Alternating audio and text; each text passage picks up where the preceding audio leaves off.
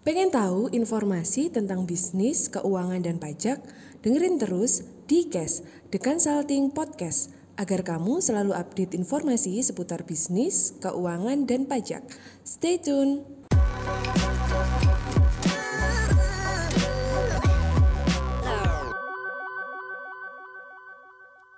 Oke, eh, mungkin bagi teman-teman di sana sering dengar yang namanya liquidity ratio. Nah, eh, pada sesi kali ini kita akan membahas bagaimana cara mengukur likuiditas perusahaan. Nah, eh, rasio likuiditas ini adalah rasio yang menunjukkan kemampuan perusahaan dalam memenuhi kewajiban atau membayar hutang jangka pendeknya. Nah, ini biasanya kita lihatnya dari laporan keuangan yaitu neraca. Karena apa? Yang dibutuhkan di sini adalah eh, hutang jangka pendeknya perusahaan. Nah, eh, rasio ini yang dapat digunakan untuk mengukur seberapa kemampuan perusahaan itu dari hutang jangka pendeknya tadi dilunasi oleh aset lancarnya dia. Jadi mampu nggak sih perusahaan ini eh, memenuhi hutang jangka pendeknya? Hutang jangka pendek kan mungkin ada eh, hutang usaha, hutang dagang, terus hutang bank yang di bawah satu tahun, kemudian ada hutang biaya yang lain-lain. Nah, dari ketiga komponen kewajiban ini mampu nggak sih ditutupin ataupun dilunasi dengan aset lancar, yaitu ada kas, ada piutang, ada persediaan. Kita ambil contoh tiga eh, aset lancar ini ya. Nah, kenapa kok kita butuh yang namanya rasio likuiditas? Nah, dengan mengetahui rasio likuiditas ini yang dimiliki oleh perusahaan, ada beberapa manfaat yang didapatkan oleh perusahaan. Apa aja sih? Nah, yang pertama itu jelas mengantisipasi dana yang diperlukan saat kebutuhan mendadak. Nah, jadi ketika eh, butuh dana dadakan ataupun butuh biaya yang harus dikeluarkan pada saat itu juga mampu nggak dengan melihat dari rasio ini nanti bakalan e, ketahuan. Nanti bisa kita lihat di rumus ataupun contoh soalnya. Kemudian e, poin penentu bagi suatu perusahaan untuk mendapatkan persetujuan investasi atau bisnis yang menguntungkan.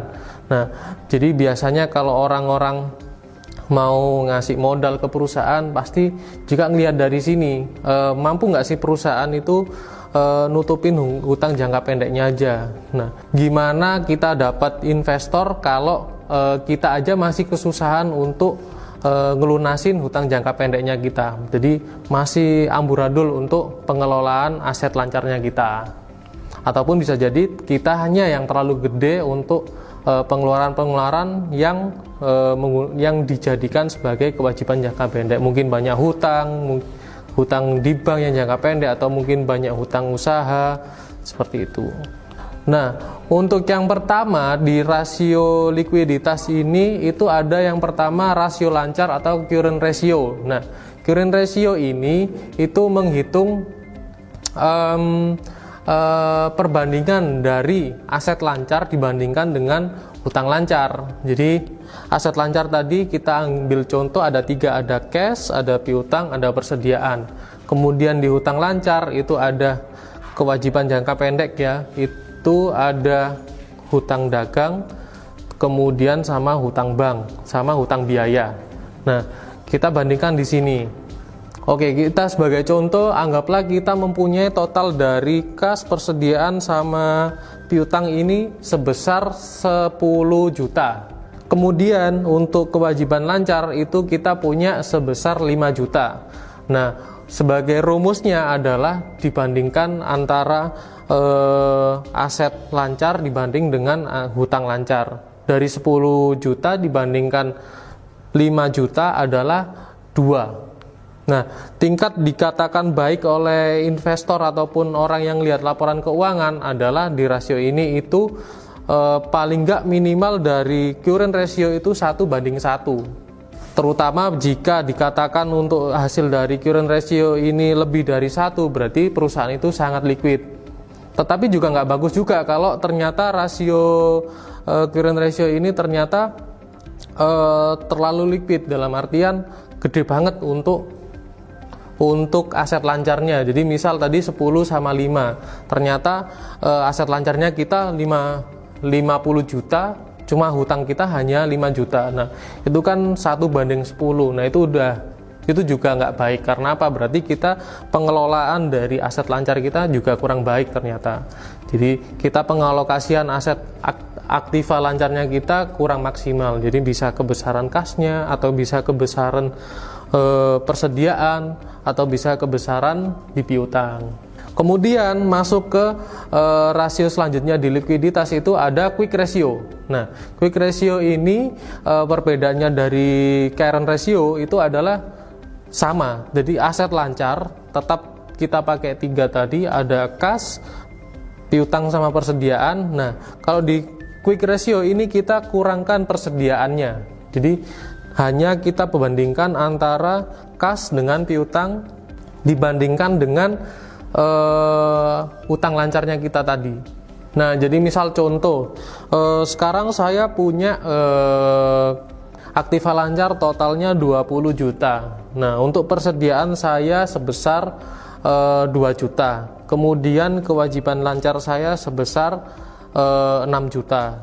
Berarti caranya 20 dikurangkan dengan 2 juta.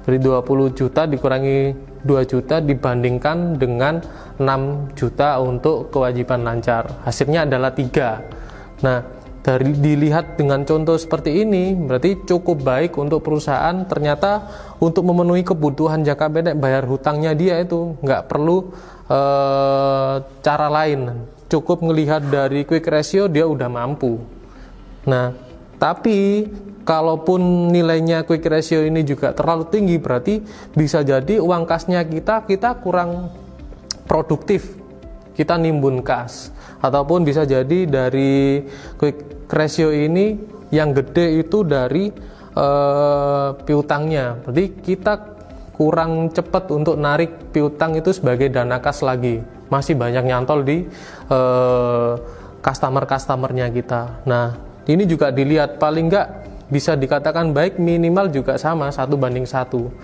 gitu. Kemudian yang terakhir ada uh, rasio kas atau cash ratio. Nah, cash ratio ini sa level di bawahnya uh, quick ratio. Jadi tadi kalau di Karon itu ada tiga, ada kas persediaan, kemudian piutang. Kalau di quick hanya kas sama piutang. Kalau di kas ratio ini kita pakai kasnya aja. Seberapa mampu kita uh, kas untuk memenuhi hutang jangka pendeknya kita, hutang jagangnya kita. Nah, kalau di sini cukup uh, diwaspadai ya, karena kalau kas terlalu tinggi pun kalau melihat dari cash ratio juga nggak baik. Berarti uh, kita benar-benar terlalu banyak nimbun uang kas. Buat apa? Lebih baik kita pakai untuk operasional ataupun kembangin perusahaan ngembangin usaha kita. Jadi misal kita pakai contoh seperti ini, uh, kita punya uang kas sebesar eh, 5 juta, kemudian uh, kewajiban kita juga 5 juta. Nah, kewajiban kita 5 juta, kas kita 5 juta. Jadi dibandingkan satu banding satu. Nah, kita memang kalau dikatakan dari rasio likuiditas bagus, berarti cukup dengan uang kas, uang kas aja kita cukup untuk memenuhi kebutuhan kita. Tapi nyatanya bisa jadi eh, kasnya kita sekian ternyata juga banyak eh, aset-aset lain, aset lancar lain yang masih eh, belum jadi kas. Nah, ketika jadi kas berarti kasnya bakalan nambah lagi, nambah lagi, nambah lagi. Nah, eh, paling enggak bisa dikunci untuk rasio kas ini bolehlah satu banding satu tapi dengan catatan kita harus melihat di current sama quick ratio-nya. Nah, kalau e, beberapa e, kondisi di lapangan rasio kas ini jarang digunakan karena apa? E, nilainya juga kurang cocok untuk digunakan di perusahaan. Berarti kalau kita banyak kas berarti kan e, perusahaan kita kurang produktif jadi lebih baik kita mempercepat perputaran dari piutangnya untuk jadi kas terus kita jadikan lagi untuk e, modal lagi beli beli beli seperti itu.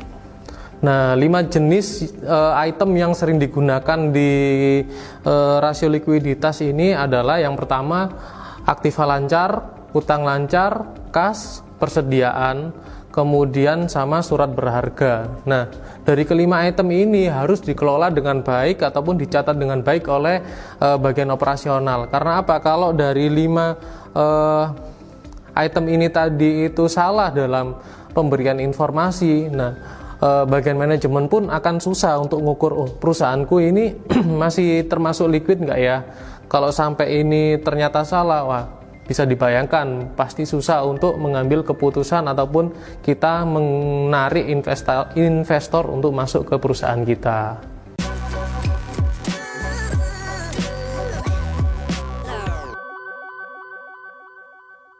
Terima kasih sudah mendengarkan Tikes. Sampai jumpa di episode berikutnya ya.